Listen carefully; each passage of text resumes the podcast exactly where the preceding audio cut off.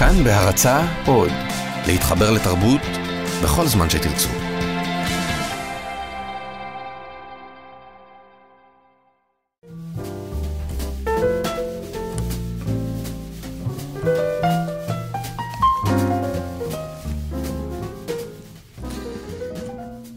שבת שלום, אנחנו כאן בהתבודדות, שבת אה, נחמו, שבת הנחמה הראשונה, מתוך שבע שבתות נחמה בדרך שלנו לימים הנוראים, לכפרה, לחורבן הנפש, לחוש, לחשבון הנפש. חורבן הנפש זה גם יפה. חורבן הנפש זה היה. זה הספר החדש שלך, לא חורבן הנפש. לא, אני לא נותן כאלה שמות אה, קיצ'ים.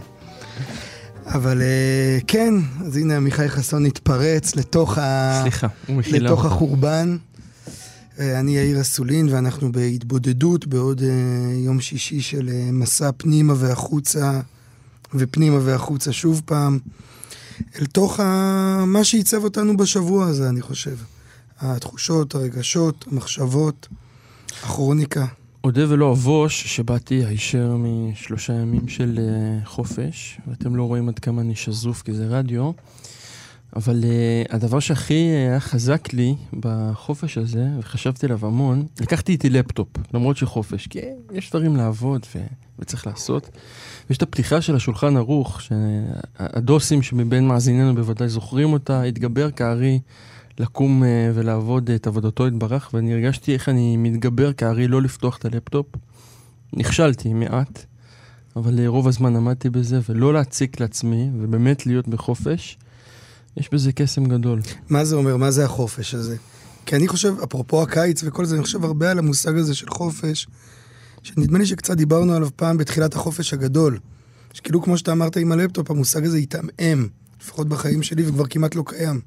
אני חושב שזה בעיקר בעיניי, בסוף זה שבת.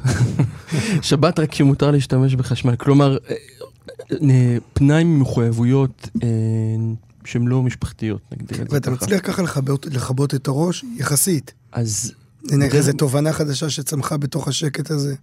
שצר- שזקוקים. ל- לא, לא, התובנה היחידה שזקוקים לעוד שקט בתוך השקט, זה הבנתי. זה תובנת העל. זו באמת חתיכת תובנה. כן, אנחנו נהיה היום עם אה, לא מעט אה, יורציידים וימים, ימי זיכרון כאלה ואחרים. לא נעשה יותר מדי ספוילרים ונתחיל עם אה, ניל יאנג. קדימה.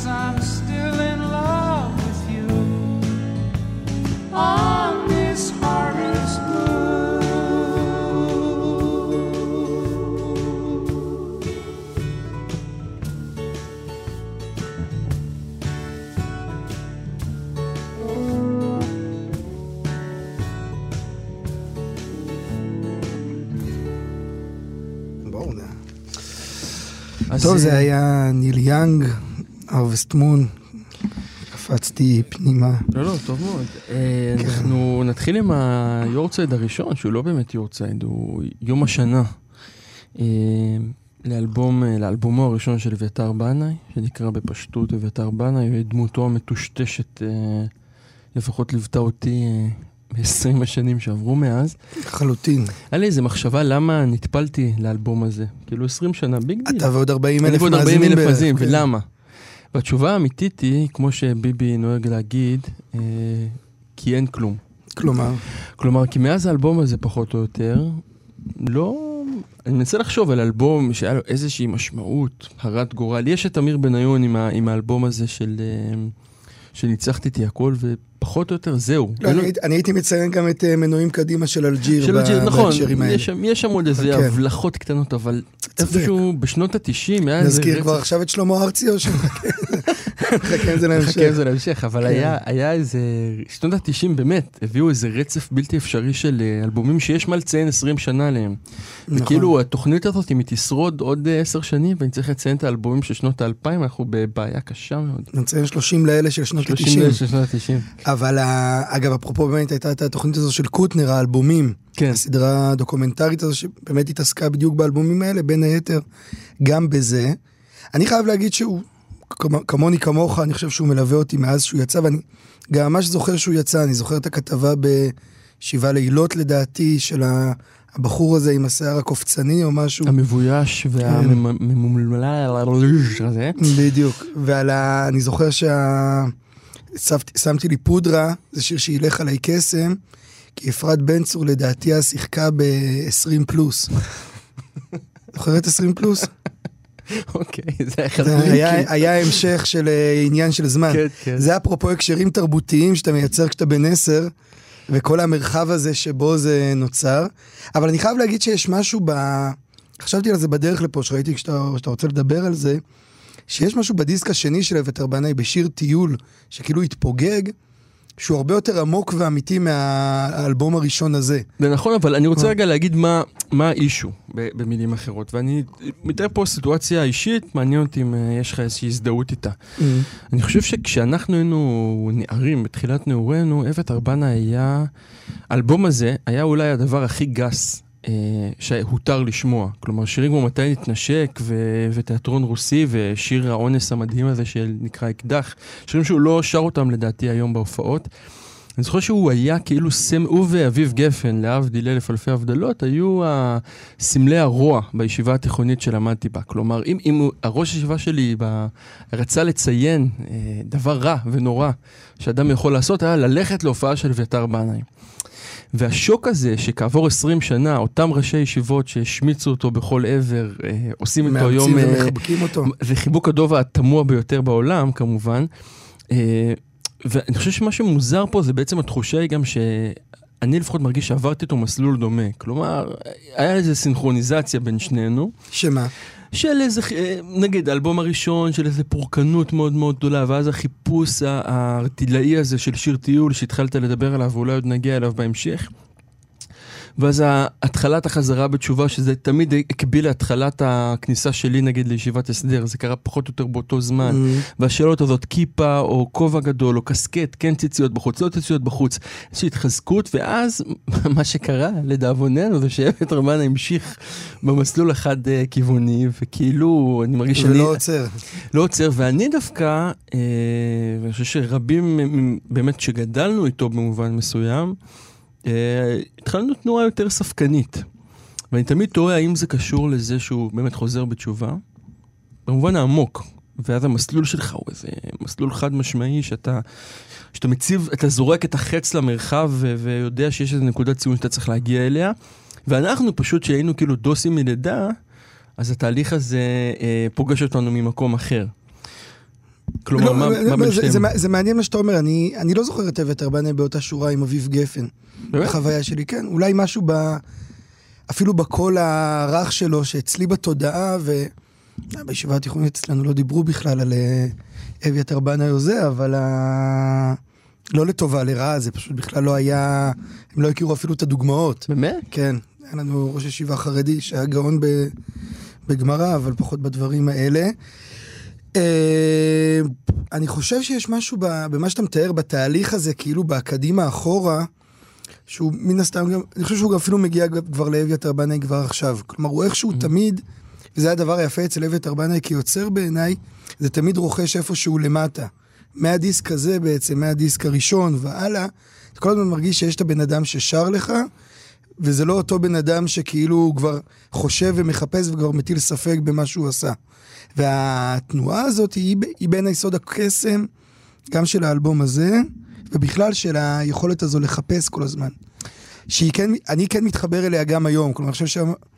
נגיד שאני חושב שהשירים שלו אפשר להגיד, הם פחות טובים. זהו, זה, אבל... הש, אתה קושר את זה, אבל אתה, אני חושב שזה אקסיומה, שהאלבום הזה וגם שיר טיול, האלבומים האחרונים מחווירים לעומתם. זה קשור לחזרה בתשובה בעיניך? זהו, אני, זהו, אני לא בטוח שזה קשור לחזרה בתשובה כמו שזה קשור להתברגנות ול... לטרגדיה הזו, וזו טרגדיה, אני חושב שכל מי שיוצר מכיר אותה, שיש איזה שלב שהרבה יותר קשה לך להמציא את עצמך מחדש. ואז יש משהו ב... יש משהו ב... ואפילו, אני יודע מה, אולי זה אפילו קצת קשור לחזרה בתשובה, אני חושב עכשיו במובן הזה, שאתה כבר פחות מאפשר לעצמך להטיל ספק במובן העמוק. Mm-hmm. כן, כלומר, יש איזה... אבט ארבנה, הכוח שלו פה, אני זוכר את ה... לא זוכר אפילו, לא יודע אפילו אם זוכר בכלי ראשון, אבל זוכר את הראיונות האלה בהדהודים, או לא משנה איך, הוא תמיד היה זה שידע לצחוק על הסיטואציה, או תמיד לשים אותה עם איזה טוויסט, או לקחת אותך ולסובב את המצלמה. והמרחב הזה, זה המרחב שאולי הוא איבד באיזושהי צורה, אבל זו בעיה של over רצינות בכלל, לדעתי, ב... בתרבות הישראלית וגם בתרבות היהודית-ישראלית, או לא יודע איך לקרוא לה. אני כן מרגיש שזה קשור לחזרה בתשובה. יש משהו באלבום הזה ובשיר טיול, שהכוח האמיתי שלהם הוא בכנות. זאת אומרת, אפילו ברגעים הרעים שלה, כמו ב... אתה מרגיש שזה אלבום כנה? מאוד. אני חושב שבעיניי, אה, נגיד, לא, זה לא השיר שנשמע, זה קצת כאילו פחות טוב, אבל עולם קשוח, אני יכול עליו, כל השיר הזה, תתחנן אליי, אני מדבר עליו, זה שיר... אה, בעיניי שאין בו רגע אחד של זיוף. וגם כשהוא, גם הכוח הגדול של השיר שפותח את האלבום, של יש לי סיכוי, שהוא בעצם הצד השני של המערה, כן, השיר האופטימי כמעט היחיד כן. בתוך אלבום הבאסה הזה, אה, שהמאוורר שלו התנגן במיני דיסקים של כולנו. אה, הוא גם, הוא מגיע בעיניי ממקום מאוד מאוד מאוד כנה, שגם לא חייב כלום לאף אחד. ובשיר טיול הזה מגיע להקצנה עוד יותר גדולה של חוסר המחויבות. והיום כשאתה מחויב, אתה, אתה בסוף מייצג, זאת אומרת, אביתר בנאי הוא כבר מותג, לא רק במובן הרגיל, הפופולרי, כמו שאביב גפן הוא מותג, אלא הוא מותג דתי, שיש לו השלכות, יש לו נפקמינות, יש לו אה, תלמידים שצריכים... אתה חושב שזה זה משהו שמטריד אותו? אני חושב שהוא מונע, אני די בטוח, אני לא מכיר אותו באמת. כן, אה, כן, באופן שבו אתה אה, חווה אותו. כן, אבל אני מרגיש כן, שהוא עוצר את עצמו מלהגיד את הדברים שאולי הוא היה רוצה, מתוך הבנה שיש לזה השלכות, שיש אנשים שרואים בו כבר סוג של רבה. זה מאוד חזק, כי מי שרוצה יכול לראות ביוטיוב את השיחות התמוהות שלו ושל אורי זוהר.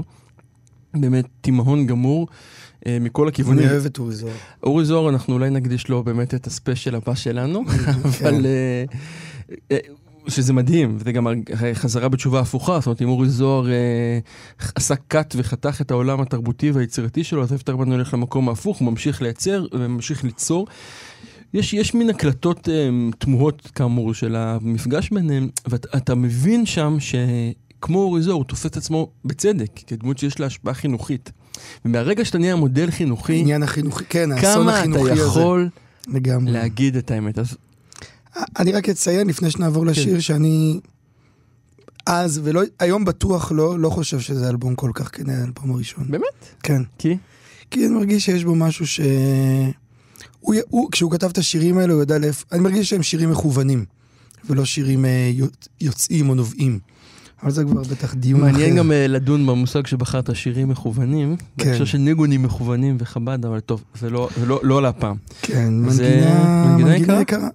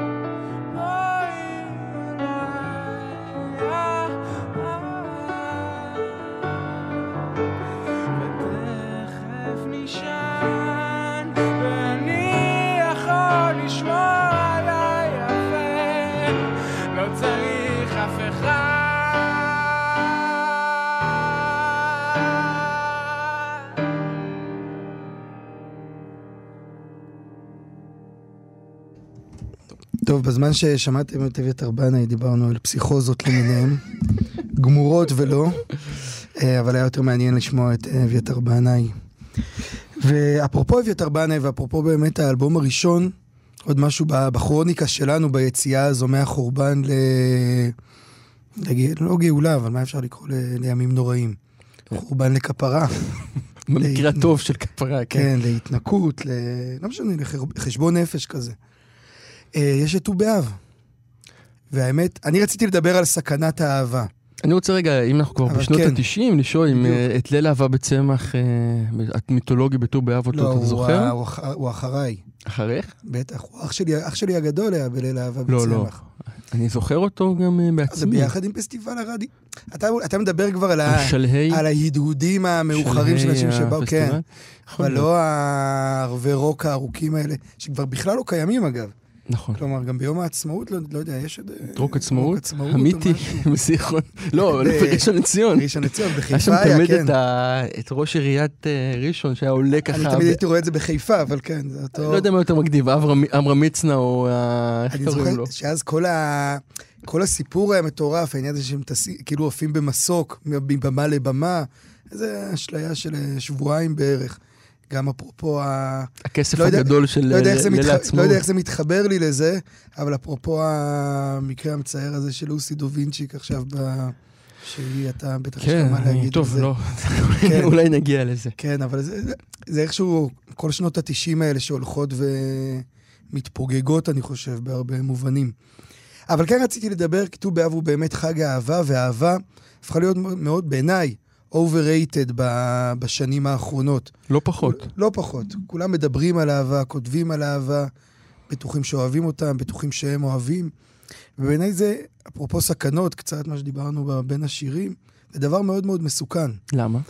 כי אהבה, זה, מאוד, אהבה היא דבר שהוא כאילו ה, היכולת לעבור מלאהוב מישהו ללאהוב את עצמך, זה גבול מאוד מאוד דק. והרבה פעמים אני רואה שאנשים שמדברים, בטח בפוליטיקה, שזה המקום המובהק לראות את זה, איך אלוהים אוהב אותנו, איך אנחנו אוהבים את העם שלנו וכולי, אבל גם בשיח בין אישי, הרבה פעמים אתה רואה את המעבר המאוד מאוד מהיר הזה בין אהבת האחר לבין אהבת עצמך. וזה נראה לי הרבה פעמים יושב על, ה... על העובדה שקופצים על השלב הזה, סליחה על הדרשנות, אבל על השלב של היראה. כלומר, הרבה פעמים אני מרגיש שהאהבה היא הפכה להיות כלי, אה, כן, נראה לי אפילו כלי, כלי ל... לביטוי נרקסיסטי מאוד מאוד עמוק שלך, של האדם, כן? על... בשב... כאילו דרך האחר. אבל כשאתה מדבר על יראה בהקשר הזה, יראה במובן הזה היא בדיוק המחויבות. כלומר, אהבה...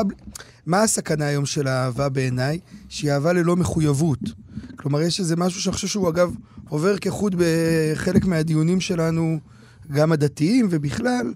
אני מאוד מאוד מאמין שאהבה או אמונה, נגיד, שהן קרובות בהרבה מוב- מובנים, בלי המחויבות, בלי היראה, בלי העובדה שאתה מתחייב למשהו, הזכרת את הפתיחה של אה, שולחן ערוך, בלי ההתגברות הזו, יש בהם משהו מאוד מאוד חסר ואפילו מסוכן. ואתה, ואתה רואה את זה, אומר, אתה רואה את זה בשיח ה, באמת הפוליטי, או ה, אפילו החברתי, אתה רואה את זה בפייסבוק. אנשים שעושים אה, פרגונים לאנשים אחרים ובעצם מפרגנים לעצמם, ובדרך גם אה, עוקצים איזה שניים, שלושה אנשים אחרים. כלומר, יש משהו שהוא כאילו, הוא כל כך מתוק שכבר נדבקים אליו זבובים. אה, את זה אני מבין, אני רק מנסה להבין ולא מצליח איפה היראה נפגשת פה. כלומר, אני מבין מה אתה מנסה להגיד על אהבה והלינק שלה לאהבה עצמית, ובאמת אה, התחושות שלנו זהות, אבל אה, לאן אתה מכניס פה את היראה? אני חושב שהיראה היא בדיוק אותו רובד שאתה, כשאתה מחויב למשהו, ורק אחר כך אתה כאילו עובר לשלב של האהבה, אז האהבה שלך היא ממילא מבוסתת. היא ממילא... אה, איך אני אגדיר את זה? היא ממילא ממוקדת, היא ממילא מדויקת, כן? היא לא... אתה מחויב למשהו, אתה לא סתם אוהב... תחשוב על זה שהיום, על הקלישאה כמעט, שכל אחד קורא לאחד לשני אחי, וכל המרחב הזה. אפילו יש איזו פרסומת כזו עכשיו, נכון? של אל תקרא לי אחי. מה האשליה הגדולה שם? שאף אחד, האחי הזה לא יבוא יעזור לך אם יש לך פאנצ'ר, או לא יבוא, לא יודע מה, לעזור לך במצבים קשים, כי אין את המחויבות הבסיסית, שהיא מה שמייצר את האהבה. תחשוב על זוגיות ברמה... אבל זה לא אה. פשוט שאלה של אה, מינונים? כלומר, אני לא חושב, ש- אני חושב, ש- אני לא בטוח שזה עניין של מינונים, אתה רוצה... לא, אני, אני, אני מנסה, אני זוכר שאחד הדברים שהקסימו אותי בעבר ולא מקסימים אותי היום, אה, בעבר היותר ניו אייג'י שלי, נגיד כל מיני דמויות שאוהבות את כל העולם.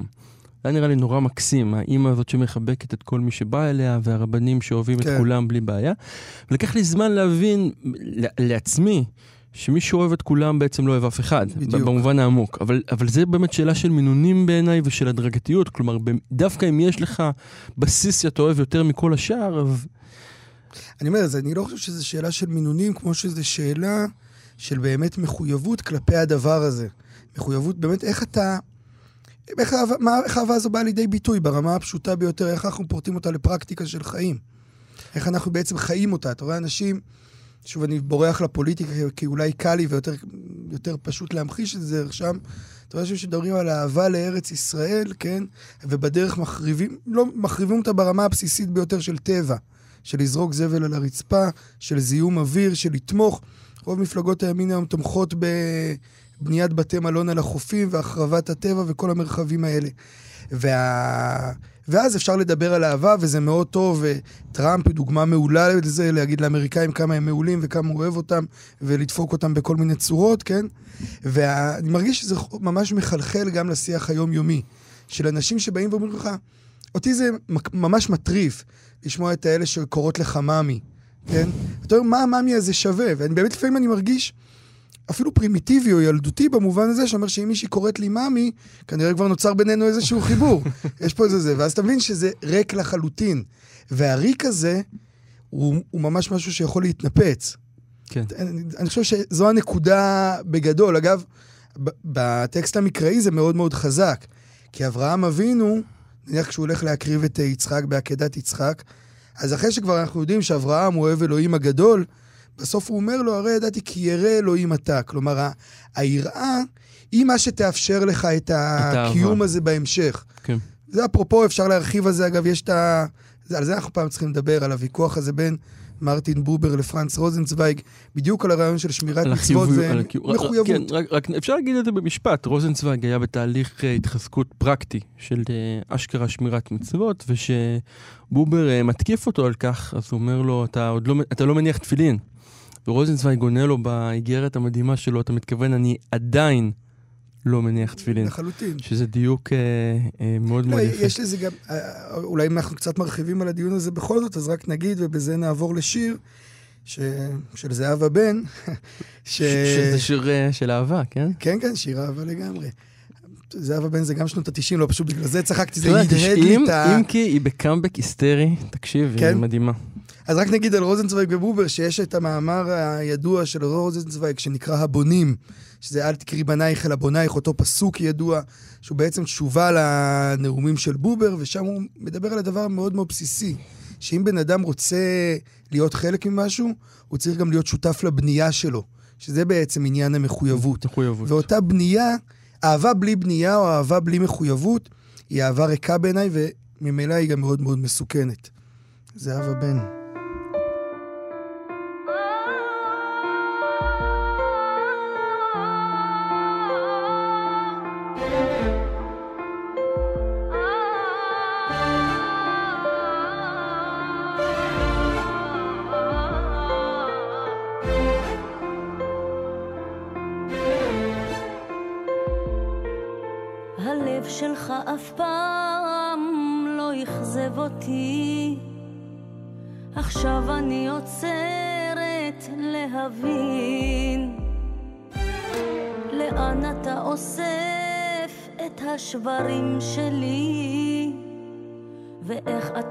אתה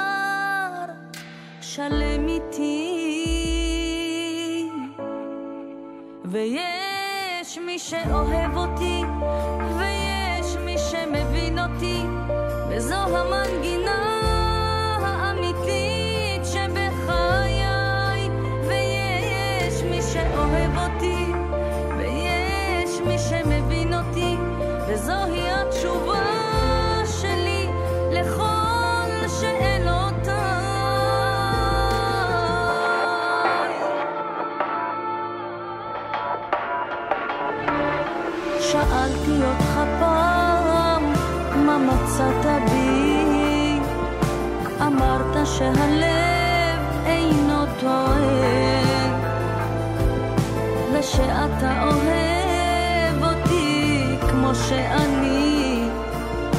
כתבת לי מכתב,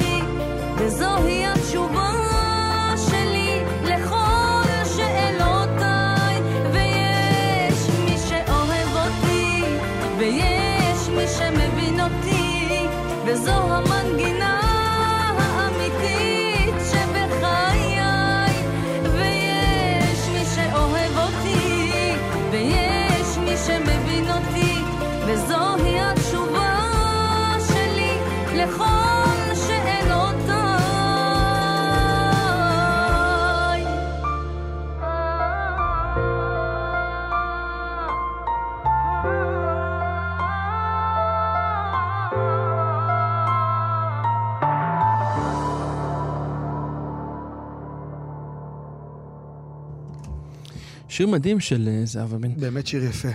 אה, ואנחנו רוצים לעבור ליורצייד הבא, אה, של אחד שהחליט שהוא נולד בתשעה באב בשביל שהביוגרפיה שלו תסתדר יפה, אבל כנראה שלא. כנראה שזה עכשיו. הלידה. הלידה, אנחנו כן. בעצם ביום הולדת, לא נכון, ביארצייט. נכון, נכון, אנחנו נכון. ביום הולדת. אבל מכיוון שכל חייו הם בדיות על בדיות, אני מרגיש חופשי כן. לבדות גם את זה. והלא הוא שמואל יוסף בוצ'קץ', הידוע יותר בכינויו אה, שמואל יוסף עגנון. ואני אתחיל בווידוי, שאני, אה, אם יש משהו אחד שהרסו לי שיעורי הספרות המייגעים בתיכון, היה את עגנון. בערך הדבר היחיד שלמדנו חוץ משירת ימי הביניים. כן. והוא נלמד... עשית בגרות בספרות? כן, כן, בטח. אה. קיבלתי ציון נורא, אבל עשיתי. אצלנו היה בגרות פנימית, אני חושב. למדנו שנה אחת עד כדי ספרות. כך. שנה אחת, רק כיתה ט'. זה היה לא אטרקציה. היה לי מורה חביבה, אבל אה, שהייתה באמת פרודיה על מורה לספרות, והיא פשוט הייתה מקריאה את תהילה לאורך כל השיעור, ועוצרת כל כמה משפטים ומסבירה. אין דבר בלתי נסבל יותר, באמת, אם אתם רוצים להרוס אה, ספר, תנסו לעשות את זה ככה. לגמרי. כמו קריאה מודרכת כזאת ל...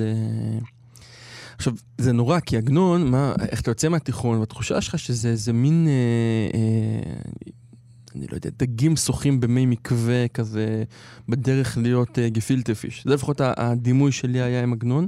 אוקיי. ולקח לי שנים להבין שהוא באמת אה, דבר גדול. אני, אני סתם, אה, מה שתמיד חוזר אליי זה הפתיחה, הוא גם משורר גדול, מעבר לזה שהוא סופר גדול, ואני רוצה גם להדגים את זה.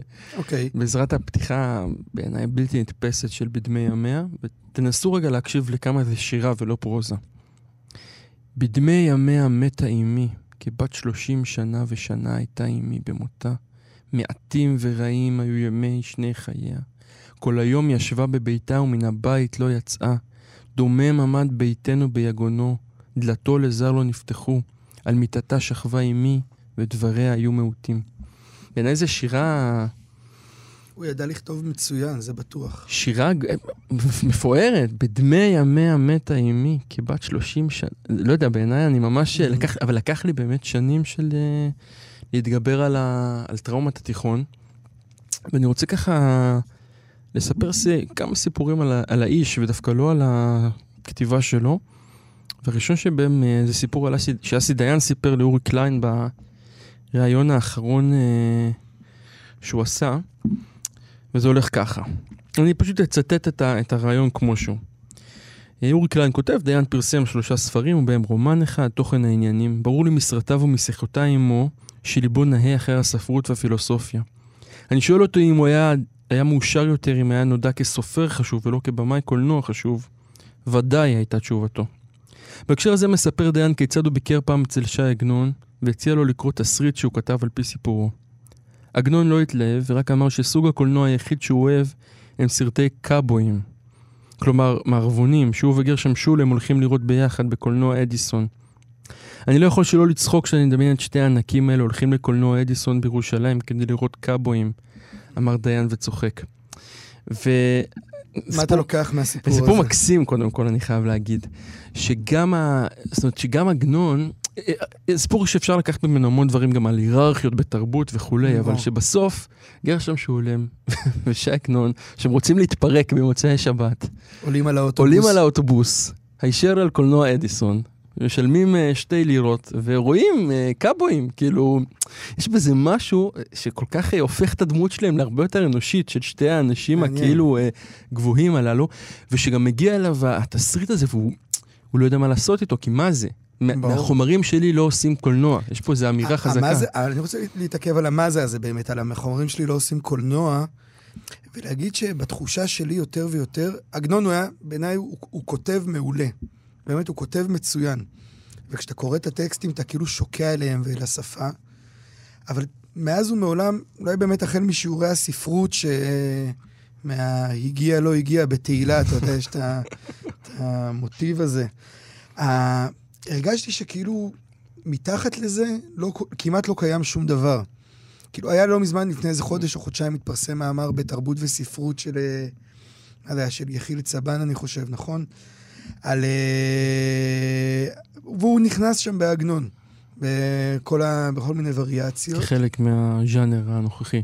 לא יודע, לא יודע אם זה ז'אנר, ואני גם, בטח לגביי זה לא, לא עניין של ז'אנר, כמו לבוא ולהגיד שיש איזושהי תחושה שכשאתה מסיים רומן של עגנון, אתה כאילו, הוא לא הולך איתך הלאה.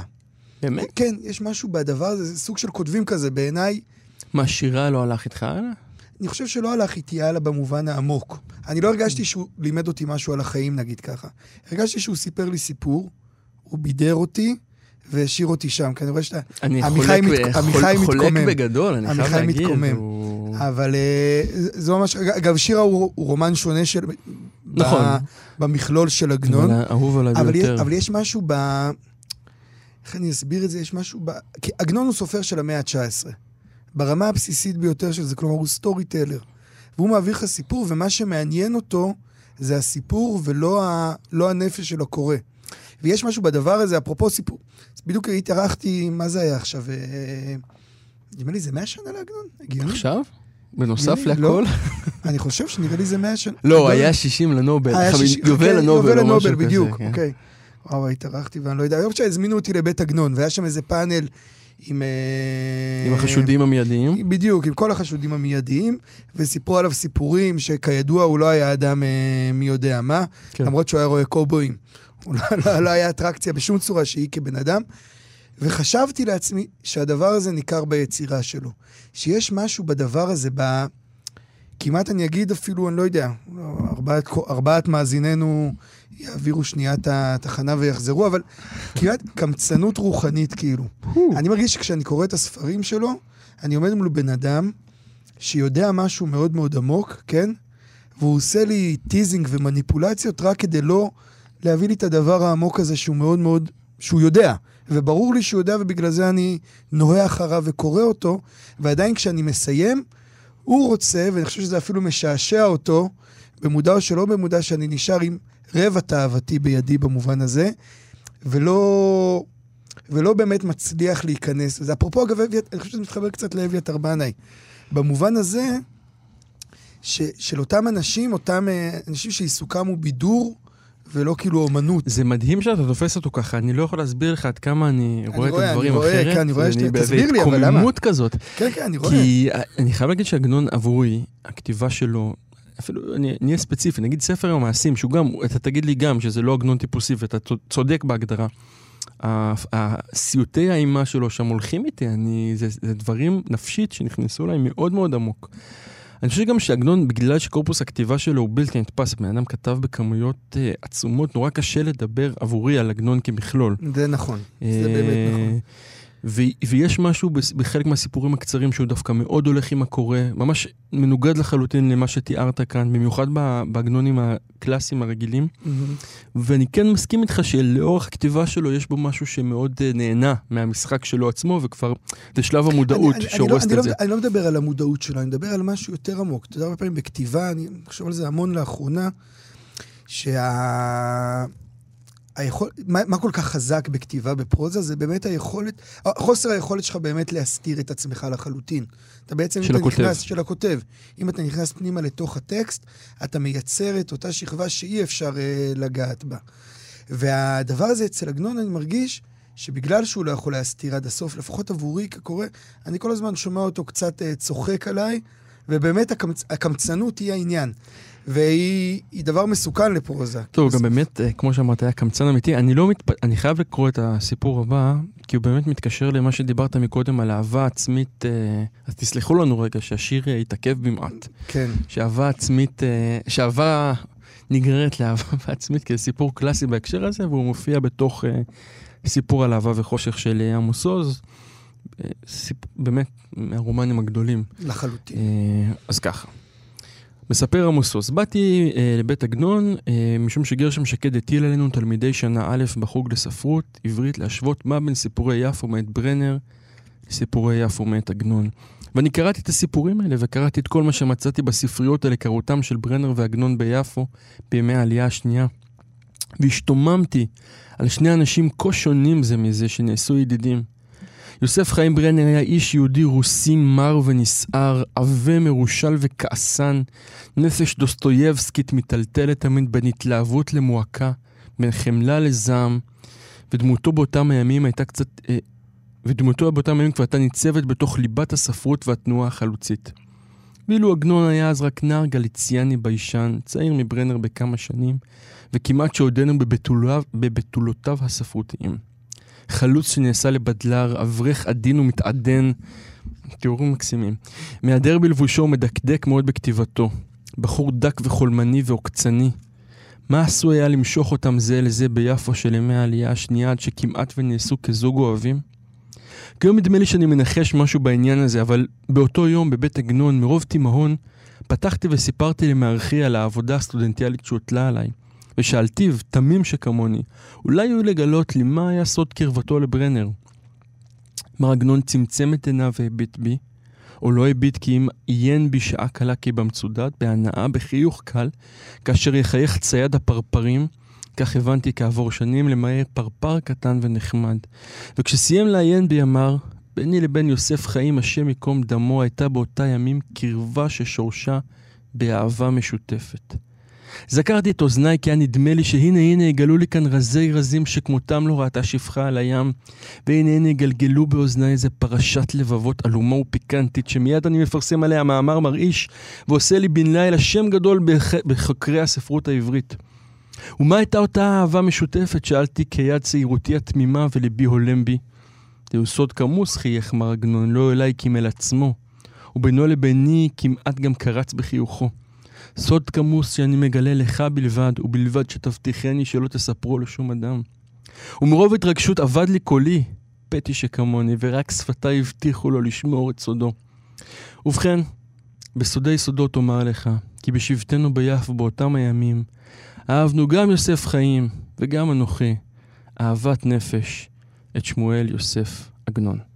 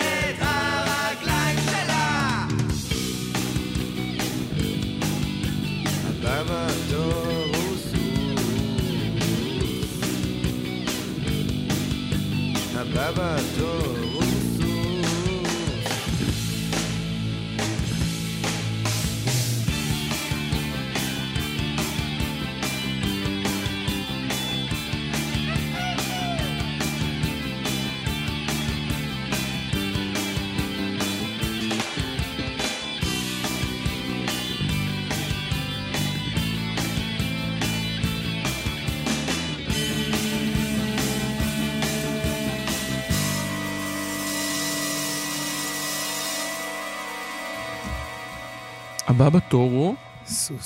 סוס? חיים ממש- ממשיך להוביל אותנו במשעולי שנות שנות ה-90. ה-90. ראשית שנות ה-90. בירושלים. בדיוק. אבל אני כן רוצה להגיד משהו על הקטע שקראת קודם, קודם מתוך סיפור על אהבה וחושך, שהוא כשלעצמו, מי ששמע את הקטע שעמיחי קרא, שבו אה, עמוס עוז מתאר איך עגנון התעלל בו פחות או יותר, והביא שם את הדימוי הנהדר, שהוא קלט פרפר צעיר בתור... אה, רשת צייד בדיוק, הפרפרים. ברשת צייד הפרפרים. ואתה יודע מה? זה ההבדל בין עמוס עוז, בטח בספר הזה, לבין עגנון. הסבר. כלומר, בעמוס עוז, בסיפור על אהבה וחושך, וזה מה שהופך את זה לרומן כל כך גדול, יש נדיבות שבן אדם שחווה חווה את החיים, הסופר בעצם, מה זה סופר הרי? סופר זה מי שמעביר את החיים דרכו ויש לו משהו לתת לך מעבר. אחרי שהוא, המסננת הזו מייצרת איזשהו ערך מוסף. ועמוס עוז לא, לא מפחד לתת את הדבר הזה, או יותר מזה, הוא נותן את זה בנדיבות, בטח פה בסיפור על אהבה וחושך.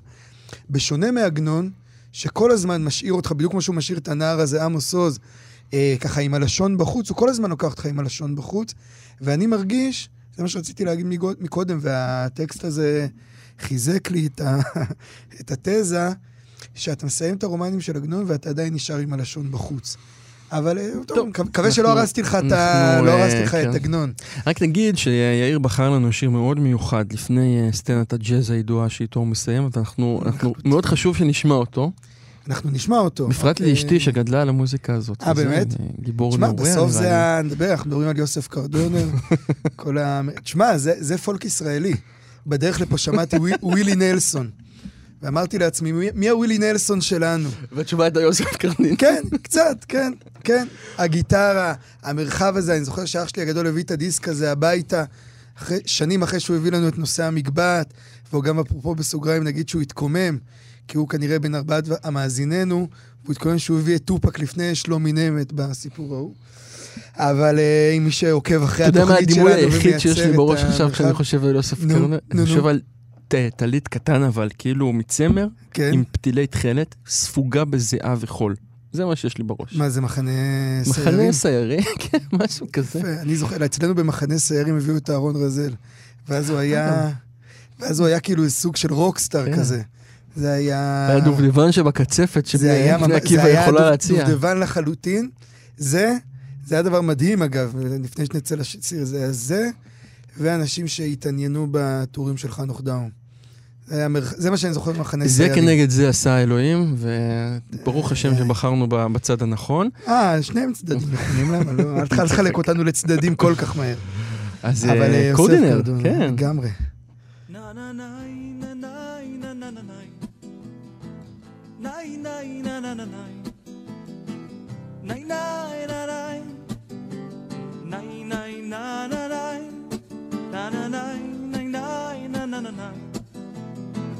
אבל אה, אה, יוסף קורדינר, קורדון, כן.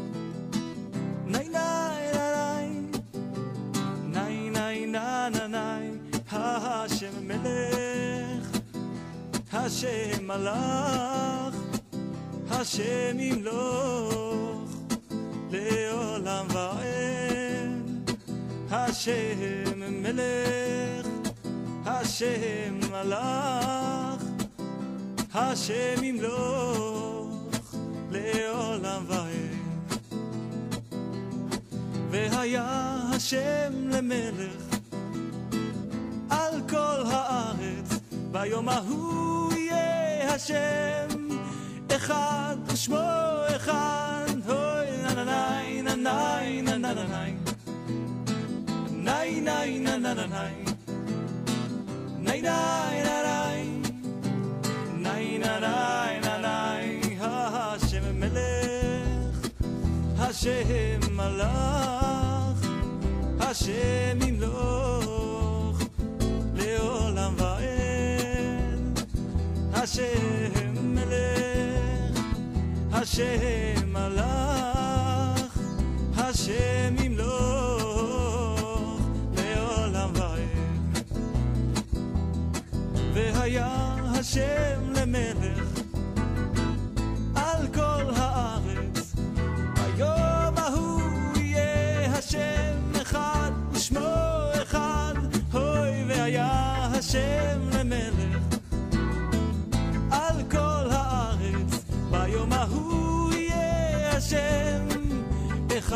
ושמו אחד